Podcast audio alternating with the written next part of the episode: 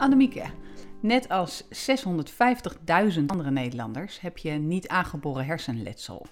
En voor de mensen die niet weten wat dat is, kun je vertellen wat dat inhoudt? Ehm, ja, nou kort gezegd uh, betekent het dat je hersenen beschadigd zijn. Uh, dus dat ze bepaalde functies niet meer goed kunnen uitvoeren.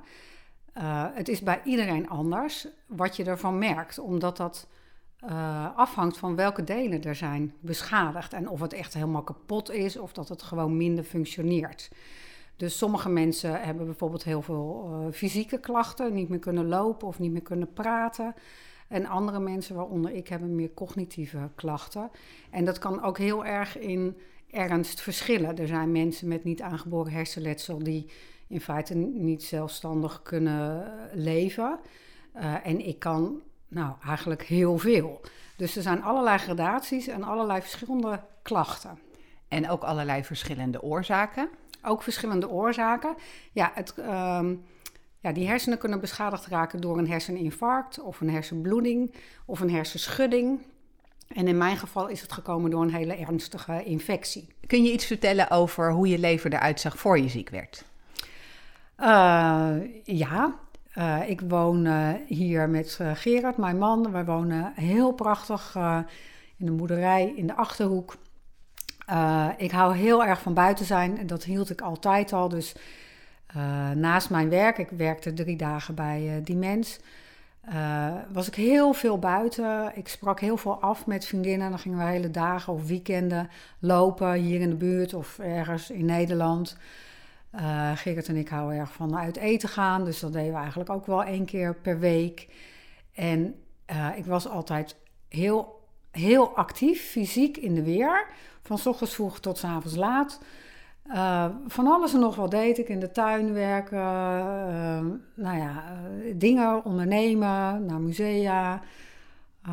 ja, de hele dag door, lekker druk bezig en met vrienden in de weer en werken. En wanneer ontstond die infectie? Die ontstond, nou wanneer die precies ontstond weet ik niet, maar ik merkte het met kerst 2018. Uh, de dag daarvoor was ik koortsig. Uh, ik dacht, nou, ik ga slapen, het gaat wel over. Um, maar dat was niet zo. Eerste kerstdag voelde ik mij nog steeds uh, niet lekker. En dat kende ik eigenlijk helemaal niet van mezelf.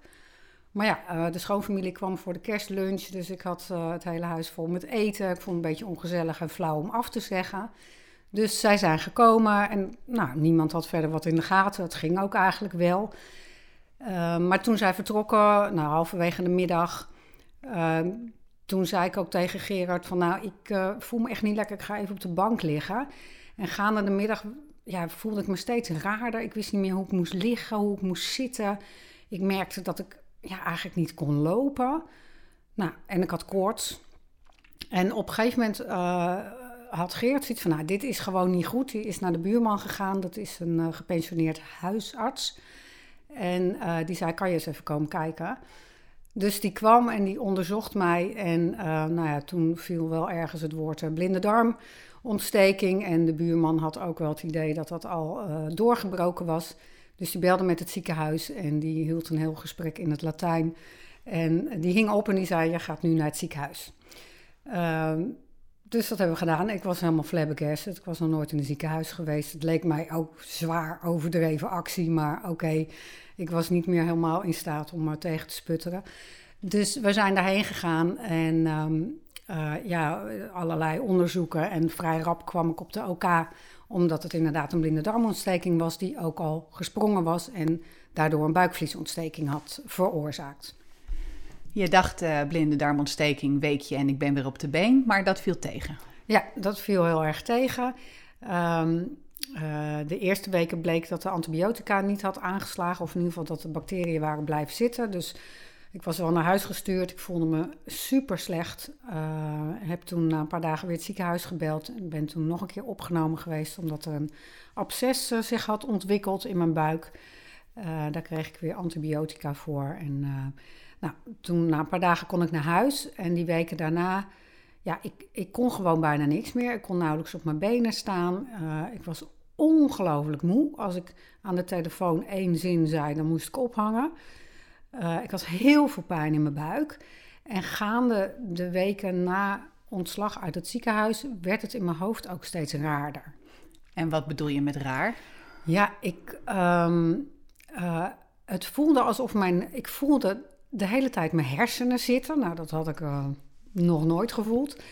En die hersenen voelden alsof ze helemaal verpulverden en uit elkaar vielen in brokstukken. En ik had ook het gevoel dat mijn interne tijd niet synchroon liep met de wereld om me heen. Dat er een soort vertraging in mijn hoofd plaatsvond, waardoor ik me heel vervreemd voelde van alles om me heen. En, en gaande de tijd, het was niet in het begin gelijk, maar het werd steeds erger. Kreeg ik ook steeds meer herrie in mijn hoofd, allerlei geluiden. Wat voor geluiden? Um, nou, een, um, ik hoor links uh, boven mijn hoofd, lijkt het, dat daar een fluitketel alsmaar afgaat. Uh, in het midden van mijn hoofd uh, marcheert een goed gedrild leger. Um, een krekelkoor is vaak op de achtergrond aanwezig en soms ook keihard te bellen van een treinovergang. En die geluiden hoor je nog steeds? nou, de, de meeste niet meer, die, die fluitketel wel.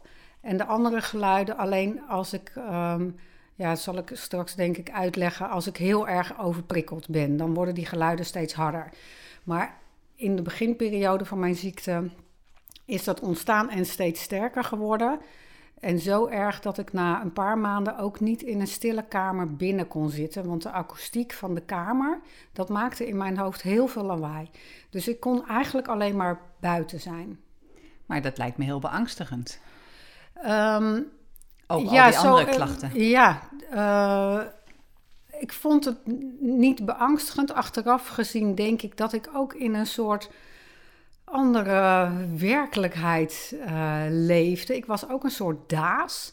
Ik vond het wel natuurlijk bijzonder vervelend. En ook zeker verontrustend, omdat ik geen idee had wat er aan de hand was. Dus ik was uh, vooral op zoek naar wat, wat is er in godsnaam aan de hand.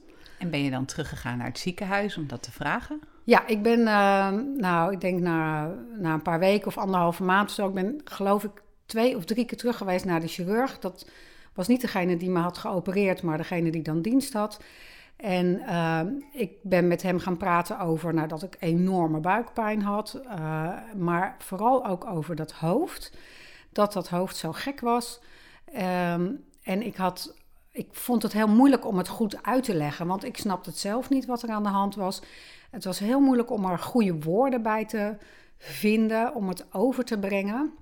En ik vond op een gegeven moment een schilderij van Picasso, dat heet De Hoed van Jacqueline.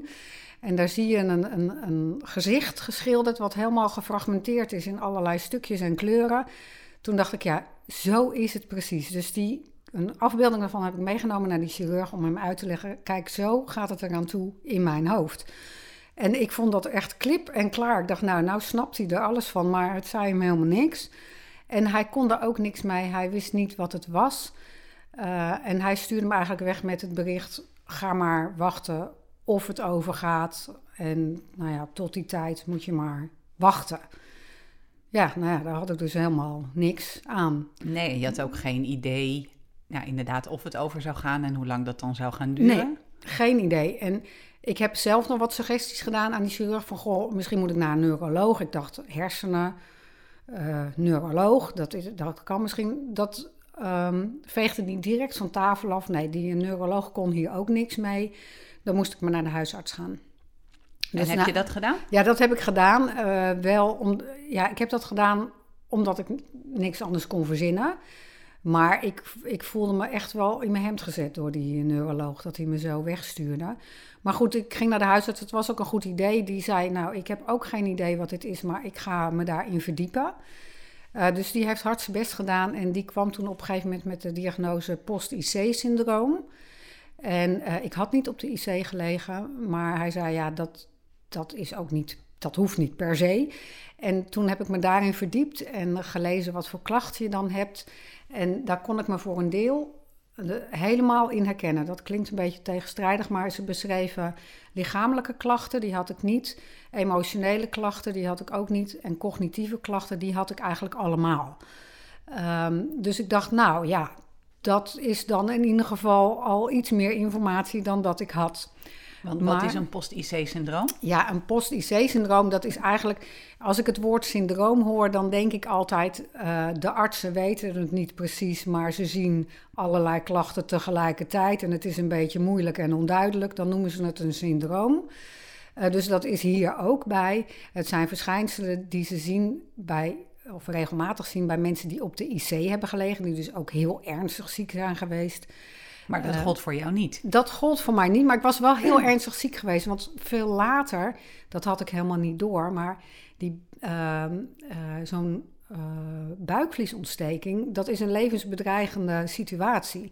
Dat, dat wist ik helemaal niet. Ik wist niet eens dat ik een buikvlies had tot die tijd. Um, maar dat lichaam is dus wel heel erg dicht bij de dood geweest. En dat werd mij wel gezegd. Maar ik dacht, ja, doe niet zo dramatisch. Ik ben toch niet dood. Dus uh, het is niet gebeurd. Nou, prima, we gaan weer door. Maar pas veel later heb ik me gerealiseerd wat dat fysiek voor een lichaam betekent om bijna dood te zijn geweest. Dat er dus heel veel is afgestorven, dat er heel veel kapot is gegaan. En dat dat allemaal weer opnieuw, als het kan, uh, hersteld moet worden. En dus, had de huisarts ook suggesties hoe je dat aan zou kunnen pakken? Nee, nou dat was een beetje het, het jammere. Die huisarts had dus, zat wel min of meer in het goede hoekje. Maar de boodschap bij post-IC-syndroom was... ga maar wachten of het overgaat. Nou, die had ik al eens eerder gehoord. Dus dat leverde mij uh, niet... Het leverde mij geen verklaring op eigenlijk. Het was een beschrijving van mijn klachten, maar en ook geen oplossing. En wat heb je toen ondernomen? Nou, toen ben ik heel erg gaan zoeken. Ik had uh, in dat eerste half jaar niet alleen last van het hoofd, maar ook van die enorme buikpijn. Dat bleken allemaal littekens in mijn buikvlies te zijn. Uh, ik kon maandenlang 1 tot 3 uur per nacht slapen. Dus op al die fronten ben ik gaan zoeken. Uh, drogisterijen leeggekocht, uh, gelezen, gepraat met mensen om te vertellen wat ik meemaakte. In de hoop dat iemand een idee had. En uh, ik ben bij verschillende therapeuten geweest. Bijvoorbeeld? nou, voor mijn... Uh, heel in het begin bij, ben ik bij een mesoloog geweest. Had ik nooit van gehoord. Dat is ook fascinerend. Maar die ging met allemaal pilletjes en poedertjes en snufjes... zorgen dat mijn darmen weer beter gingen werken. Ik was zelf al met de probiotica begonnen. Ik vind het ook echt onbestaanbaar dat zo'n ziekenhuis je wegstuurt met niks. Een doosje paracetamol. Dat was het. Geen informatie, helemaal niks. Dus nou ja, sommige dingen had ik dan zelf al uitgevonden. En zij ging aan de slag met die darmen. Dat heeft goed geholpen. Voor die slaapproblemen ben ik uiteindelijk bij een gynaecoloog beland. Uh, die uh, mij uitlegde dat ik ook, of in haar theorie, uh, was een hormoonval als gevolg van de overgang. de oorzaak van dit hele gebeuren, van die blinde darm en buikvliesontsteking. En, en dat slapen, dat hoorde daar dan ook bij. Uh, dus van haar kreeg ik hormoonpleisters. En dat gebruik ik nog steeds. En daardoor kon ik op een gegeven moment ging het slapen wat beter. Het heeft heel lang geduurd, maar inmiddels kan ik wel ongeveer zes uur slapen s'nachts. En dat is al een wereld van verschil met uh, één uur. Dus... En kon je dan ook je dagelijkse leven weer een beetje oppakken? Nou, nee. Ik ben eerst de eerste ja, tweeënhalve maand ben, was ik gewoon ziek thuis. Ik kon me ook niet verplaatsen, kon niet fietsen, kon niet autorijden. Ik, ik kon niet naar een computer kijken. Nou ja, dus uh, dat hield op. Maar omdat niemand wist wat er met mij was, uh, dacht ik, nou ja, het duurt nou al zo lang, die, die, dat herstel van die blinde darm. Dan zal ik volgende week wel beter zijn. Dus ik ging toen wel voorzichtig aan het werk met een half uur per dag. En toen de bedrijfsarts dat voorstelde, dacht ik, jezus, dat is ook echt te gênant voor woorden. Een half uur, dat slaat nergens op. Maar ik kon het niet volhouden. Ik snapte er niks van. Ik, ik kon niet wat nadenken. Wat voor werk deed je? Ik uh, was en ben strategisch beleidsadviseur bij Dimens, een instelling voor geestelijke gezondheidszorg. En dat werk dat doe je allemaal via de computer. Nou, het, het, was eigenlijk niet te doen. Maar goed, dat heb ik wel met heel veel discipline en volharding toch langzaam steeds opgebouwd. Maar na een half jaar kon ik echt niet meer. En toen ben ik weer helemaal uitgevallen. Ben ik een paar maanden weer ziek thuis geweest. Dat was ook de periode dat ik zoveel herrie in mijn hoofd had. En die maanden herinner ik mij dat ik op een matrasje eh, in de tuin, in de schaduw van een boom, in mijn eentje, in stilte, lag. En dat was het. En het was eigenlijk helemaal niet zo erg. Want ja, het was mooi weer, het was warm, het was zo'n hele hete zomer. En, ehm, en ik kon niks, maar ik hoefde ook niks en ik deed niks. Dus dat sloot allemaal naadloos op elkaar aan. En ik lag daar, als ik er terug, naar terugkijk, ook ja, een beetje in andere sferen. Niet helemaal in contact eh, met de werkelijkheid. Uh, en ik dacht, dat was ook wel de zomer waarin ik dacht: oh ja, nu ben ik misschien gewoon gek geworden. Misschien is dat het. Mhm. Misschien moet ik mijn werkgever bellen en vragen om me op te nemen of weet ik veel, zoiets te doen. En was je niet bang dat dat, dat het zou zijn dan, voor altijd? Nee, ik, um, ja, wat ik zeg, ik was een beetje in een andere sfeer. Dus ik dacht helemaal niet over de toekomst. Of je nog het beter zou worden. Heel erg alleen maar nu, hier zijn. Dus wat dat betreft wel lekker mindful. Dus dat hield me helemaal niet bezig. Ik kon ook gewoon niks. Ik kon daar niet mee bezig zijn. En het beangstigde me ook niet. Het was eerder dat ik dacht: oh, is dat het? Ben ik gewoon gek geworden? Dus het was eigenlijk wel ook. Het voelde een beetje als een soort opluchting of zo. Dat ik dan een woord erbij had. Ja, maar, goed. nu lig je niet meer in de tuin. Dus nou lig er is niet meer in nog de iets tuin. veranderd. Dus uh, nou, op een gegeven moment ging het dan na die twee maanden of misschien iets langer in mijn eentje stil in de tuin toch wat beter. En toen kreeg ik weer wat meer energie. Toen ben ik weer verder gaan zoeken. Uh, gaan lezen, gaan praten. En toen in het najaar kwam ik een uh, boek op het spoor van een verpleegkundige. En uh, die had zelf een sepsis doorgemaakt. Ik had nog nooit van het woord gehoord. Precies, wat is dat? Ja, een sepsis. Ja, in de volksmond heet dat bloedvergiftiging. En het is in feite een doorgeschoten lichamelijke reactie op een hele ernstige infectie. Als je een infectie hebt, dan gaat je lichaam daarop reageren om te zorgen dat, dat, dat al die troep wordt afgevoerd. Dat is een hele goede, nuttige, gezonde reactie. Maar op een gegeven moment, als die infectie bestreden is, dan moet dat mechanisme weer stoppen. Maar bij sepsis gebeurt dat niet. Dan blijft je lichaam maar doen alsof er een infectie is. Dus alles staat in, het, in de stand van die infectie bestrijden. En daardoor krijgt de rest van je lichaam en ook je hersenen gebrek, zeg maar. Er gaat veel te weinig aandacht, zuurstof, eh, voedingsstoffen, weet ik wat naartoe. Met schade tot gevolg. Met schade tot gevolg, ja. Dus dat, uh, dat... En jij las dat boek? Ik las dat boek. Ik dacht, oké, dus dit is er gebeurd. Want je herkende dat? Ik herkende alles. Ik herkende helemaal alles. En dat was zo'n openbaring en ook zo fijn van, oh, er is nog iemand die dit heeft en ook zo'n gek hoofd heeft. En ze was verpleegkundige, dus dat, dat vond ik nog wel wat gewicht in de schaal leggen. En het was ook allemaal met uh, wetenschap onderbouwd en zo, wat ze vertelde.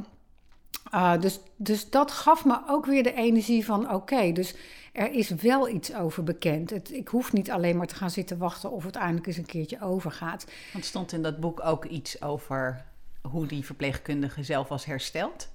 Nou, uh, er stond in ieder geval niet in uh, een soort stappenplan en je moet bij zo'n soort dokter zijn en doe dit, doe dat. Dus het bracht me heel veel inzicht en kennis, maar nog niet echt uh, een behandeling. Dat, dat haalde, kon ik daar niet uithalen. Dat was vooral toch ook de tijd. Hè? Dan zal het beter gaan en, en pas je aan aan je klachten en, en dat soort dingen. Maar een behandeling ging dat niet over.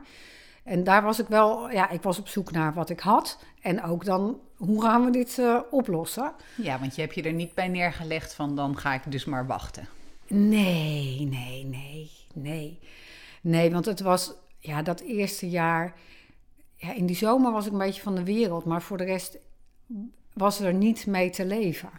Dus ja, dan ga je toch maar iets doen. En wat heb je toen ondernomen? Nou, toen uh, langzamerhand kwam ik steeds meer uh, informatie tegen en, en uh, behandel. Of ja, ik kreeg tips van mensen. Misschien is dit wat voor je, misschien is dat wat voor je. En ik heb dat heel erg op gevoel, zeg maar, gekozen van wat ik dacht dat op dat moment dan het beste was. Ik deed ook altijd maar één behandeltype tegelijk, om te kijken wat het effect was. En nou ja, na een jaar of zo uh, bracht iemand me op het spoor van de behandeling functionele neurologie. En dat had ik wel eens eerder gehoord, maar toen was het kennelijk niet het goede moment. Toen was ik met iets anders bezig. En toen ben ik me daarin gaan verdiepen. En toen ben ik, heb ik een behandelaar gevonden in Zutphen die dat geeft. Uh, en toen ik daar bij hem zat, uh, de allereerste keer voor een kennismakingsgesprek, om te kijken of hij wat voor me kon doen. Toen, toen viel ineens alles helemaal op zijn plek. Omdat hoe die man reageerde op mijn klachten. Uh, dat was punt 1 van dat het duidelijk was dat hij dat al heel veel vaker had gehoord.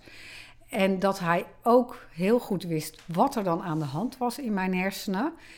En hij vertelde me ook, uh, ik kan uh, uh, diagnostiek bij je doen. Had nog nooit iemand gedaan. en dan kan je behandelen. En voordat we daar op verder gaan, kun je nog kort uitleggen wat functionele neurologie is?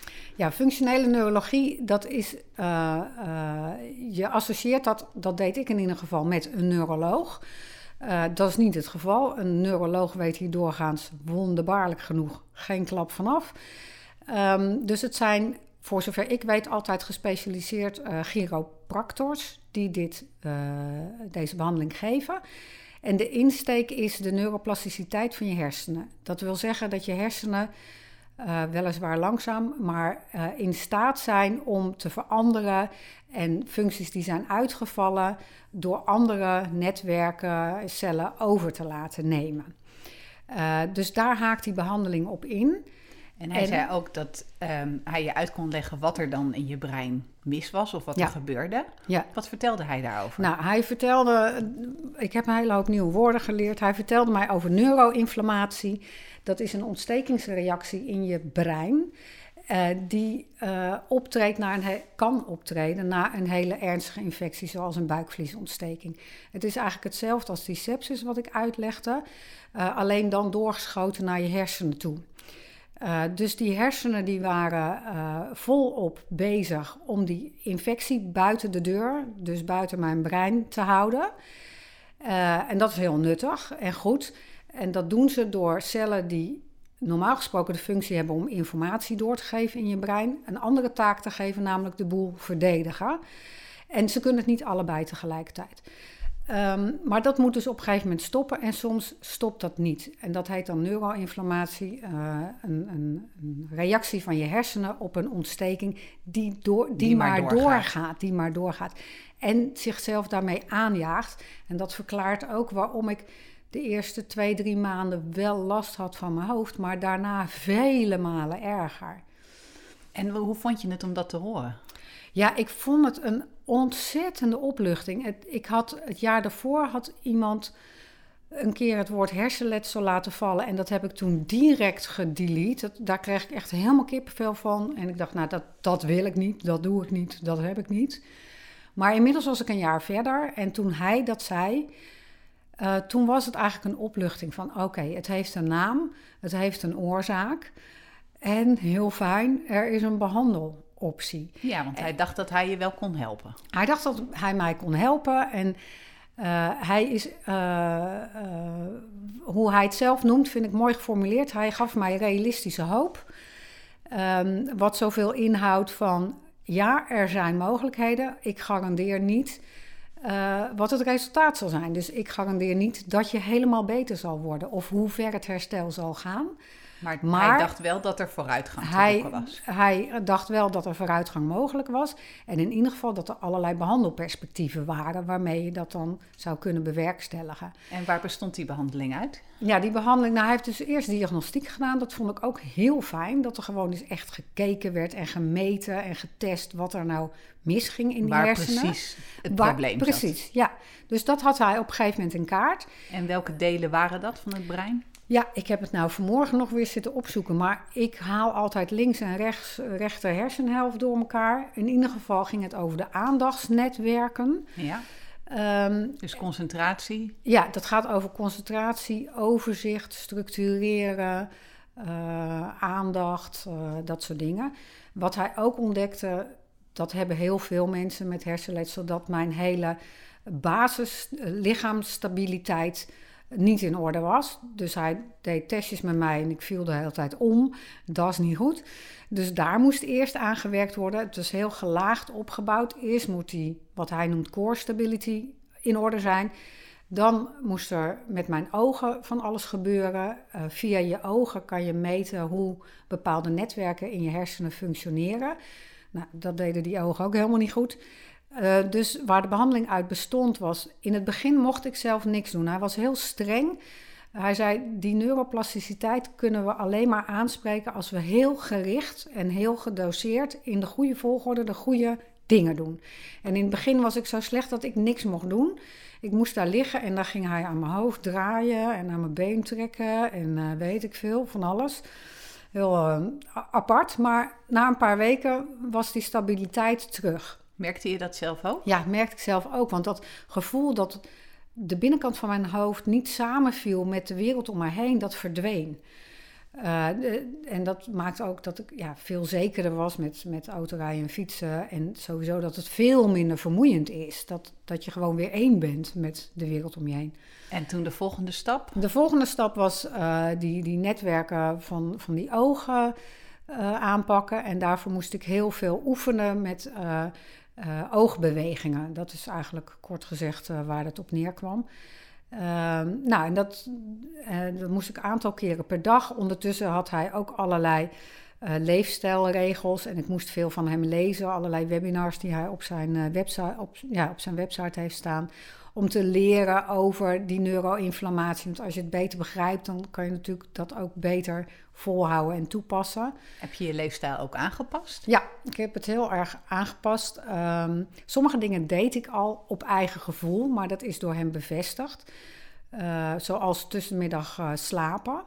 De hele wereld om me heen zei: Ja, logisch dat je s'nachts niet kan slapen, dan moet je ook niet middags gaan slapen. Toen dacht ik: Nou, ze kunnen me wat, ik blijf dat doen. En dat blijkt ook heel goed, omdat mijn hersenen moeite hebben met informatie verwerken. Dat kost heel veel tijd. En dat kan ik slecht. Dus ik heb heel veel pauzes overdag nodig. En ook echt tussen de middag een uur of langer. Dat er helemaal niks is. Stil, liggen en niks. Dan kun, krijgen die hersenen een soort inhaaltijd om al die informatie te verwerken. Uh, dus dat heb ik aangepast. Um, ja, noodgedwongen uh, is mijn sociale leven heel erg aangepast. Ik, ik kan alles wel, maar ik kan alles heel kort. Dus ik kan twee uur op bezoek en dan ga ik daarna slapen. S'avonds doe ik niks. Ik telefoneer niet, ik kijk niet naar de computer. Uh, ik praat niet. Uh, ja, wel eens een woord of zo, maar geen gesprekken voeren. Dus de avonden die besteed ik aan yoga, buitenlopen, lezen, dat soort dingen. Uh, ik sta heel vroeg op. Um, hij heeft me ook geleerd. het beste is om nou ja, vroeg op te staan, dat is voor mij geen opgave. Want ja, uh, dan lig ik toch al een tijd wakker. Dus uh, dan kan ik net zo goed opstaan. Gelijk naar buiten. Gelijk zorgen dat je hele systeem aangaat. Dus uh, koude douche of met je blote voeten over het grind lopen. Of in de wind. Nou, dat soort dingen. Het hele jaar door? Het hele jaar door, ja, ja, ja. Nou, en dat is eigenlijk hartstikke lekker. Dus je hebt allerlei verschillende behandelingen gehad van deze man. Wanneer begon je te merken dat dat ook echt wat opleverde? Nou, best wel snel eigenlijk. Ik ben in mei, ja, welk jaar was het eigenlijk? 2019 bij hem gestart. Uh, en na een maand of tweeënhalf begon ik het te merken. Eh, dat mijn hoofd, uh, een hele hoop dingen had ik nog wel hoor, maar dat mijn hoofd rustiger voelde. Uh, dat ik stabieler was uh, en daardoor ook iets minder moe. Tegelijkertijd begonnen ook die hormoonpleisters te werken, dus sliep ik ook beter. Um, uh, dus, dus toen begon weer ik. meer? Ja, ik kon weer, kon weer wat meer. Maar dat, um, het is wel heel subtiel, zeg maar. Ik voelde het zelf zeker, die verbetering. Maar dat zijn allemaal hele kleine stapjes. En voor de buitenwereld helemaal nauwelijks waarnemen. Ik kon niet ineens uh, hele dagen gaan werken of zo. Dat, als je gezond bent, dan denk je, nou ja, dat kan je dan de week erop wel of zo. Maar dat, daar gaan dus jaren overheen, zo'n beetje. Want hoe lang ben je uiteindelijk onder behandeling gebleven? Ik ben nog steeds onder behandeling. Ja, en ik heb afgelopen week eens met hem gesproken over waar staan we en uh, is er nog steeds sprake van realistische hoop? Of zijn we er wel zo'n beetje? En uh, nee, er is nog steeds sprake van realistische hoop. Uh, ik merk wel dat het afgelopen jaar, uh, nee, half jaar, dat het stabiliseert. Um, en hij zegt dat er nog zeker, of dat het niet uitgesloten is dat het nog beter wordt. Maar dat zal dan nog langzamer gaan dan, dan het afgelopen jaar. En hij heeft nog wel behandelopties. Dus ik ga daar nog wel mee door. Maar het, het is nu, denk ik, wel zo'n beetje waar het zal blijven. Ja, ik weet dat niet, maar ik ga er maar een beetje van uit dat dit het zo'n beetje is. Ja, dus je leven is nu, nou ja, in ieder geval een stuk beter ja. dan twee of drie jaar geleden. Zeker. Maar ook nog steeds heel anders dan ja. voor je ziek werd. Ja. ja. Wat zijn de grootste verschillen nog? Nou, het grootste verschil is dat, dat, dat hersenletsel, dat is er dag en nacht. Dus daar moet ik dag en nacht rekening mee houden. Dat betekent dat ik goed moet plannen, uh, dat ik moet doseren. Uh, ik kan niet zomaar gedachteloos door mijn dagen gaan en, en enthousiast op elk voorstel ingaan. Want dan ga ik gelijk denken, met hoeveel mensen is dat? Nog afgezien van corona. Maar uh, waar is dat? Kan ik daar dan slapen? Hoe kom ik dan weer terug? Als ik iets intensiefs heb gedaan en ik moet ook nog een uur auto rijden, ja, dan moet ik daar tussendoor slapen. Doe ik dat dan in de auto of waar? Nou, dus er gaan dan gelijk allerlei gedachten door mijn hoofd. Hoe pak ik dat dan aan? En heb ik niet later op die dag al een afspraak? Of ja, het, gaat, zit ook in kleine dingen. Ook bellen is een activiteit die ik moet plannen. Uh, dus uh, ja, als ik me heb voorgenomen om op een middag weer eens een keer met een vriendin te bellen, nou, dat gaat makkelijk een half uur duren. En ik sta in de winkel, kom de buurvrouw tegen en die begint tegen mij te horen. Ja, dan moet ik dus of tegen haar zeggen: Sorry, ik kan nu niet met je praten. Of ik ben niet assertief genoeg en ik zeg het niet. En dan betekent het dat ik die vriendin niet kan bellen. Want wat gebeurt er als je je grenzen overgaat en al die dingen wel doet? Ja, dan uh, vrij rap krijg ik dus uh, dat hele uh, bataljon aan herrie in mijn hoofd.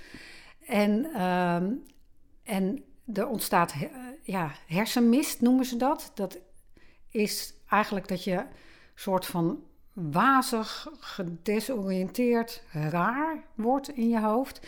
En als het al te gortig wordt, maar dat weet ik meestal te voorkomen, dan komt er een man met een mitrailleur in mijn hersenen en die schiet de hele boel aan verlarden.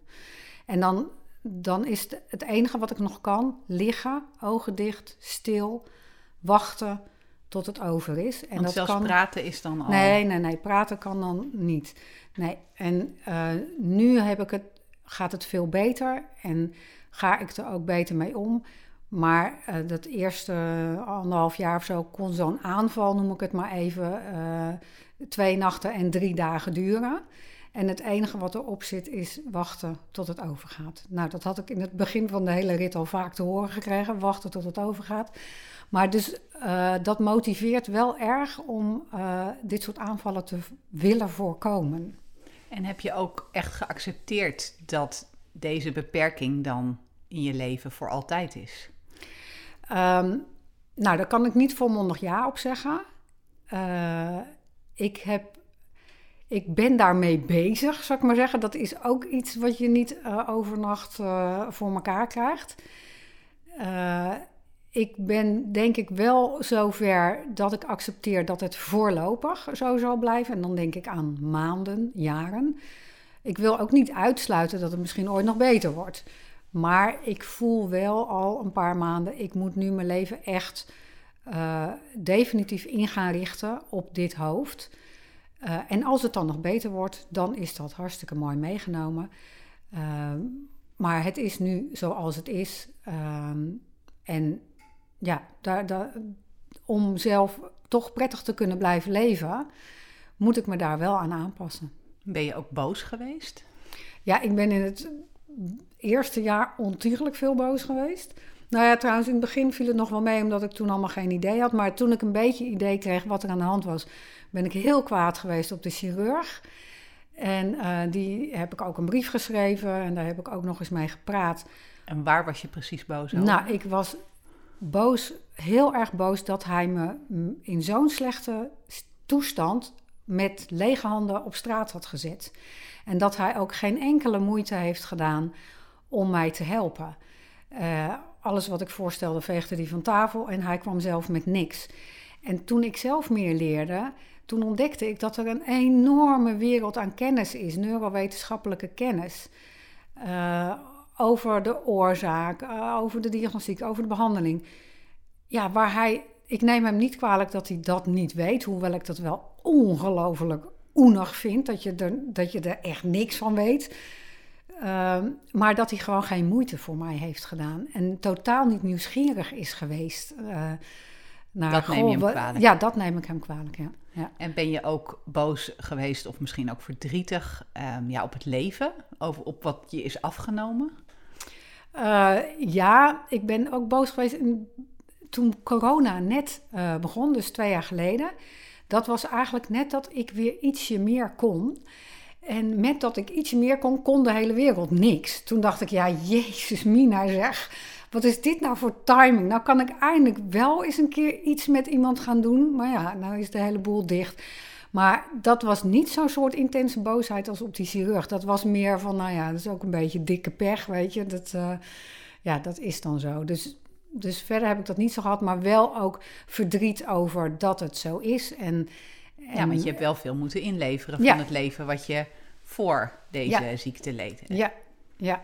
Ja, en, de, en eigenlijk nog meer dan, dan verdriet. Dat is later wel gekomen, maar ik heb ook me heel vaak heel wanhopig gevoeld. Dat zeker de eerste drie kwart jaar, toen ik geen idee had wat er aan de hand was en niemand een zinnig woord erover kon zeggen. Toen, ja, dat was wel wanhopig van wat moet ik nou? Waar, ja, wat moet ik hiermee? En wat mis je nu het meest van je oude leven? Um, eigenlijk dat gedachteloos kunnen doen wat in je opkomt altijd moeten. Ik kan best wel goed plannen, maar uh, ja, het is niet. Ja, dat de hele dag door er rekening mee moeten houden. En bijvoorbeeld naar een concert gaan of op vakantie. Kan nou, dat nog? Nee, nou, een concert niet. Op vakantie kan wel, maar um, dan gaat het hoofd mee. Uh, dus uh, dat is ook uh, slapen smiddags en niet s'avonds in een druk restaurant gaan zitten. dus ja. En is er ook een positieve kant aan het verhaal? Um, nou, dat ligt er een beetje aan hoe ik het bekijk. Uh, ik had dit allemaal liever niet gehad. Dus wat dat betreft is het, uh, het overal niet positief.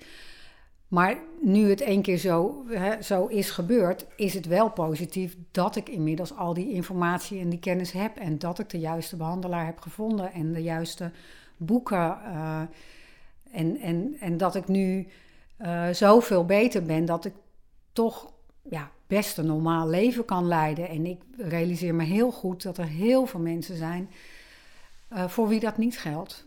Voor en, wie het nog en die informatie en die hulp, die hebben ook gezorgd voor een zekere berusting? Um, ja, dat denk ik wel. Hoewel ik uh, Minder verzet? Ja, nou dat verzet, ik weet niet of ik dat nou echt heb gehad. Uh, want uh, ja, ik heb nooit gedacht, ik wil dit niet of zo. Ja, natuurlijk wil je het niet, maar dat hield me niet zo bezig. Behalve die diagnose van niet aangeboren hersenletsel, die wilde ik niet. Maar daar ben ik later van teruggekomen. Um, dus het verzet niet, vooral heel erg zoeken, zoeken, zoeken, zoeken, zoeken. Wie kan me helpen? Wat is hier aan de hand? En als je nou zo terugkijkt op de afgelopen drie jaar, wat zijn de dingen die je uiteindelijk het meest hebben geholpen? Ja, dat, uh, dat zijn drie dingen. Dat is in de eerste plaats uh, mijn eigen wijsheid. Ik heb altijd van het begin af aan heel erg mijn gevoel uh, gevolgd. In, ja, in het ziekenhuis bijvoorbeeld dacht ik, ik moet naar buiten. Maar dat kon helemaal niet. Er kon niet eens een raam open. Maar goed, uiteindelijk heb ik dat dan toch wel voor elkaar gekregen. Later heb ik geleerd hoe ontzettend cruciaal zuurstof is. Grappig dat dat in een ziekenhuis niet aanwezig is, maar oké. Dus mijn eigen wijsheid in, in en toch blijven slapen smiddags, ook al zegt de hele wereld dat dat stom is. En mijn eigen gevoel volgen in welke behandelaar me zou kunnen helpen en waar ik niks te zoeken heb. Dat heeft me heel erg geholpen. Het tweede is alle wetenschappelijke en, en professionele kennis die ik heb uh, ontdekt en uh, weten te vinden. Dat heeft me heel erg geholpen in het snappen van wat er aan de hand was. En dat gaf me ook wat grip. En ook van, oh, ik, als er boeken over zijn geschreven, dan ben ik dus niet de enige. Dan, ja, als je er onderzoek naar kan doen, dan is het toch niet allemaal... Ik heb daar niet aan meegedaan, dus er zijn meer mensen die hiermee zitten. Dus dat heeft me zelf ook heel veel kennis gegeven. Uh, en, en natuurlijk door die professionele kennis die de behandelaar heeft, ben ik ook veel beter geworden. En het derde is de, vind ik, ja, denk ik, net zo belangrijk als die andere twee uh, de ervaringsverhalen en kennis van andere mensen die iets soortgelijks hebben meegemaakt. Ik heb hier voor mijn neus een stapel boeken liggen van mensen die zoiets hebben meegemaakt en daar een boek over hebben geschreven. En dat heeft me ongelooflijk veel geholpen. En met zoiets bedoel je dan niet aangeboren hersenletsel? Ja, ja, en iedereen heeft dan een andere uh, oorzaak en ook andere gevolgen. Uh, maar er zit heel veel, ik herken daar heel veel in. De zoektocht, de, de wanhoop, uh, een gek hoofd, nou ja, noem maar op. Dus dat, aan de ene kant vond ik dat heel troostend om te lezen. Van ja, ik ben dus niet de enige die zo gek is. Uh, en dat geeft ook heel veel kracht. Van oké, weet je, zij hebben ook hun weg hierin gevonden. Dat gaat mij ook lukken. En het, het gaf me ook heel veel weer tips en informatie van nou ja, hoe kan je er dan mee omgaan? Of, of wat is een goede behandeling? Of nou ja, wat dan ook. Dat, daar staat het ook uh, vol mee. En het, het, belangrijkste boek daarvan is het boek wat uh, zakenpartner van mijn behandelaar heeft geschreven over haar herstel van twee herseninfarcten. Da daarin legt ze het supergoed uit, helemaal wetenschappelijk onderbouwd. Hoe heet en dat boek? Dat boek dat heet Stroke Rebel. Het is in het Engels geschreven. Zij is Zweeds. Um, maar uh, heeft dus nu hier samen met mijn behandelaar een praktijk. En hun ambitie is om, ik geloof, de komende tien jaar 10 miljoen mensen met hersenletsel te voorzien van informatie en oefeningen via internet. Dus ze zijn uh, uh, goed ambitieus bezig. En waarom was juist dat boek zo nuttig voor jou? omdat daar, toen ik dat las, uh, wist ik eigenlijk nog niks van, uh, uh, van de neurowetenschappen af en hoe het in elkaar zit. En dat, zij legt dat ontzettend goed uit, hoe het allemaal werkt. En daar had ik wel behoefte aan. En zij is een ongelooflijk krachtige persoon. Zij was er echt heel veel slechter aan toe dan ik. en zij beschrijft hoe zij haar eigen herstel in handen neemt. Want zij stuurde haar ook weg met niks. En zij heeft alles zelf uitgedokterd hoe je toch kan herstellen. En met een onwaarschijnlijke discipline en doorzettingsvermogen. Dus nou, dat is wel mijn lichtend voorbeeld. Inspirerend. En af en toe uh, zegt Gerard tegen mij van... nou, maar je bent ook wel gedisciplineerd en zo. Dan denk ik, nou, dat valt allemaal reuze mee als je haar verhaal leest. Je noemt Gerard, dat is je partner. Ja. Uh, ze zeggen altijd, uh, ziek ben je nooit alleen. Ja. Wat, wat heeft dit alles met je relatie gedaan? Um, ja, nou, uh, uh, het is een beetje gek om te zeggen dat het het goed heeft gedaan. Dat, dat, zo is het niet. Maar uh, we komen er samen heel goed doorheen. En dat, um, ja, jij zegt ziek ben je nooit alleen. Wat bij ons grappig genoeg goed werkte, is dat die eerste maanden ik eigenlijk wel alleen ziek was en Gerard gewoon zijn eigen leven deed. En dat bedoel ik helemaal niet lomp. Uh, want hij, hij was heel steunend en hij sprak me heel erg moed in in die wanhopige tijden. Maar wij hadden allebei uh, zoiets van: ja, ik ben ziek en ik moet beter worden. En daarnaast had hij gewoon zijn leven, wat hij aan het doen was. En dat vond ik heel fijn. Uh, want ik zou er niet tegen hebben gekund als hij naast me was gaan zitten. En alsmaar van, oh jeetje, wat is het allemaal erg en hoe moet het allemaal en zo. Hij ging gewoon ook af en toe uh, een week weg of uh, ja, gewoon zijn, eigen, zijn dingen. eigen, dingen. doen. En dat gaf mij heel veel ruimte om ook niet de hele tijd een soort opgewekt te moeten zijn of, of weet ik veel. We konden gewoon naast elkaar dit doen en dat werkte bij ons heel goed. En dat samen ziek zijn, dat, dat komt er de laatste tijd wel meer in. Niet zozeer het samen ziek zijn, maar meer het samen gehandicapt zijn. Omdat de impact die het op mijn sociale leven heeft, heeft natuurlijk ook op ons gezamenlijk sociale leven. Nou hebben wij ook vrienden apart en zo. Maar dat gezamenlijke van ja, even de buren bellen, kom, zullen we uit eten gaan vanavond? Ja, dat kan niet. Dus dat, ja, dat is ja, een half jaar geleden of zo, dat hij ook zei, oh ja, dit heeft ook wel echt invloed op mijn leven. Maar jullie hebben daar wel een goede vorm weer samen voor weten te ja, vinden. En dat, ja, kijk, af en toe is het natuurlijk. Uh, um, ja, stelt het toch weer een beetje teleur van. En dat heb ik zelf ook. Dan overvalt het me ook nog even. Dat ik denk, oh ja, maar dat kan ik natuurlijk helemaal niet. dan vergeet ik het eigenlijk toch weer even. Ja, ja maar dit gaat, uh, dit gaat heel goed zo. En het is super fijn dat hij al die tijd uh, zo mij gesteund heeft. Vooral ook uh, gesteund in uh, hoe ik dacht dat ik het moest doen. Daar twijfelde ik dan toch soms wel aan. Maar hij zei altijd: nee, als jij voelt dat je dit zo moet doen, dan is dat goed.